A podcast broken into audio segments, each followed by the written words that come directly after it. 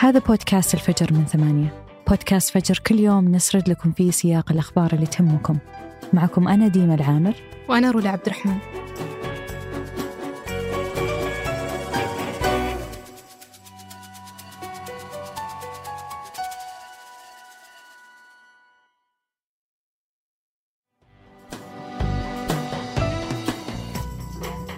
إيش رأيك يا الوضع؟ بدنا هدنة إحنا في هذا الوضع بيخوف. يعني هذا الحال مش حلو. وأنا أخت شهيد كمان. هذه أصوات أطفال فلسطينيين من قطاع غزة. ما تتجاوز أعمارهم عشر سنوات. يعيشون من أكثر من أربعين يوم في القطاع عدوان همجي من جيش الاحتلال الإسرائيلي. ويشهدون قصف جوي ومدفعي على البيوت والمستشفيات والحدائق ودور العبادة. وكثير من أصدقائهم صاروا في عداد الشهداء. وبعضهم صاروا أيتام بعد استشهاد عائلاتهم. والكثير منهم شطبت أسماء عوائلهم بالكامل من السجلات المدنية بسبب القصف اليومي والمجازر واللي كان آخرها مجزرتين استهدفت نازحين في المدارس يوم السبت الماضي. فبحسب التقارير شهدت مدرسة في منطقة الفاخورة بمخيم جباليا مجزرة يوم السبت وفي نفس اليوم شهدت مدرسة في تل الزعتر شمال القطاع مجزرة ثانية. ومع استمرار العدوان الإسرائيلي ارتفع عدد الشهداء من الأطفال لأكثر من 4500 وهم يشكلون ثلث ضحايا الحرب الإسرائيلية الحالية. أما عدد الجرحى فتجاوز الآلاف بعضهم يعيشون في أوضاع صحية صعبة والكثير منهم أصبحوا يعيشون بأطراف مبتورة. وضع كتير بخوف الأوضاع والقصف وال- والدمار اللي إحنا فيه. وحسب بيانات رسمية فلسطينية بلغ حصيلة الشهداء من الأطفال من استشهاد محمد الدرة في عام 2000 أكثر من 2200 شهيد. أغلبهم استشهدوا في الحروب الخمس السابقة على غزة. من بينهم 315 طفل قتلوا خلال الحرب الإسرائيلية الأولى على غزة واللي بدت نهاية 2008 وفي عدوان 2012 اقتلت إسرائيل بضرباتها العسكرية 43 طفل بحسب بيانات وزارة الصحة الفلسطينية. وفي أطول حروبها على القطاع في 2014 واللي استمرت لأكثر من 50 يوم اقتلت إسرائيل 546 طفل واستشهد 72 طفل في العدوان اللي شنته إسرائيل على قطاع غزة لمدة 11 يوم في 2021 وبحسب تقارير لمنظمات دولية فالعدوان العسكري اللي تمارسه إسرائيل على القطاع من سنين له أيضا تداعيات نفسية على الأطفال وهذه الآثار النفسية تستمر معهم طول حياتهم. بس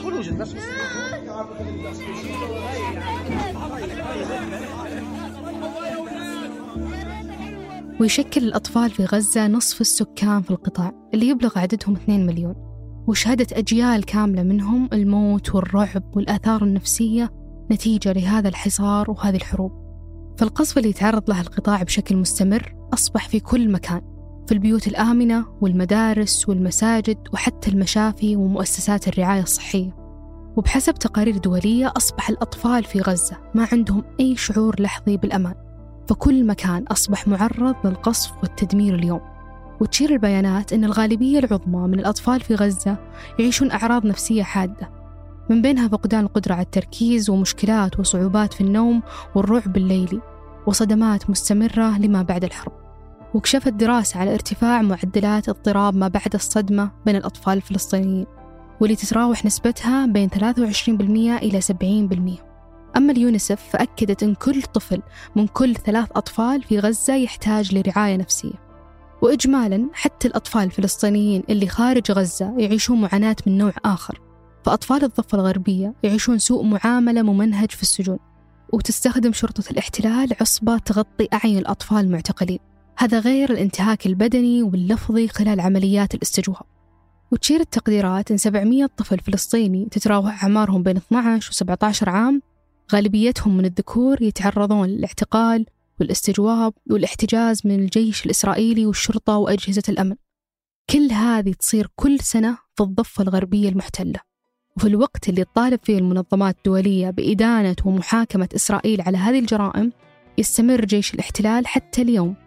بدعم غربي مطلق في قصف واحدة من أكثر المناطق مأساوية في العالم.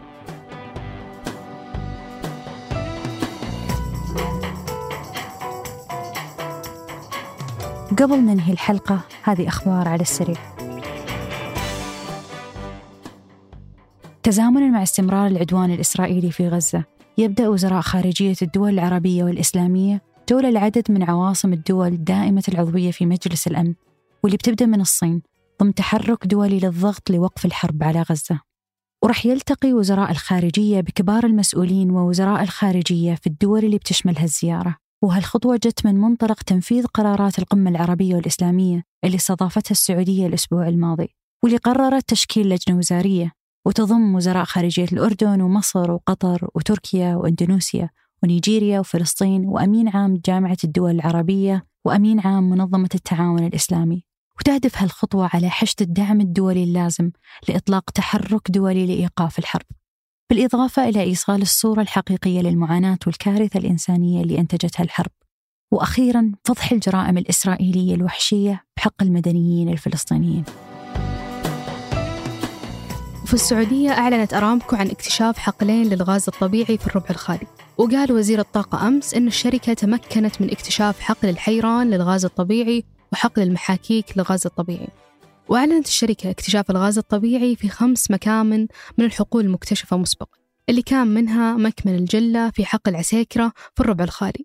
بعد ما تدفق منها الغاز بمعدل 46 مليون قدم مكعب قياسي في اليوم الواحد. إضافة إلى اكتشاف مكمن إضافي للغاز الطبيعي في حقل شدون غرب مركز حرب. واكتشف بعد مكمن عنيزة ألف اللي تدفق منها الغاز بمعدل 15.5 مليون قدم مكعب قياسي في اليوم الواحد مصحوب بما يقارب 460 برميل من المكثفات. هذا غير اكتشافهم للغاز الطبيعي في مكمن عنيزة باء وجيم في حقل مزاليد جنوب غرب الظهران. وآخرها مكمن الصارة في حقل الوضيحي ومكمن القصيبة في حقل أوتاد جنوب غرب مدينة الهفوف. أمازون تعزم التخلي عن مئات الموظفين العاملين في القسم المسؤول عن أليكسا وهي المساعدة الافتراضية اللي تشتغل بالأوامر الصوتية. وبرر نائب رئيس أمازون والمسؤول عن القسم أن الشركة تحول بعض جهودها إلى تحسين المواءمة مع أولويات العمل واللي تشمل التركيز على تطوير المنتجات اللي تعمل بالذكاء الاصطناعي التوليدي. وأن هذه التغييرات هي سبب لإيقاف بعض المبادرات اللي بسببها ألغيت مئات الوظائف. ومن تأسست أمازون كانت تتجنب خفض الوظائف بشكل جماعي في بعض الأوقات لكنها بدت في أكبر موجة للتخلي عن الموظفين في السنة الماضية. وألغت الشركة 27 ألف وظيفة بعدما سببت موجة التوظيف خلال الجائحة وجود عدد أكبر مما يلزم من الموظفين إضافة إلى زيادة وتيرة خفض الوظائف بعد ما أعلنت التخلي عن 9000 موظف في مارس هذه السنة. وألغت الشركة في الآونة الأخيرة وظائف في قسم الموسيقى ووحدة ألعاب الفيديو وأغلقت متاجر الملابس.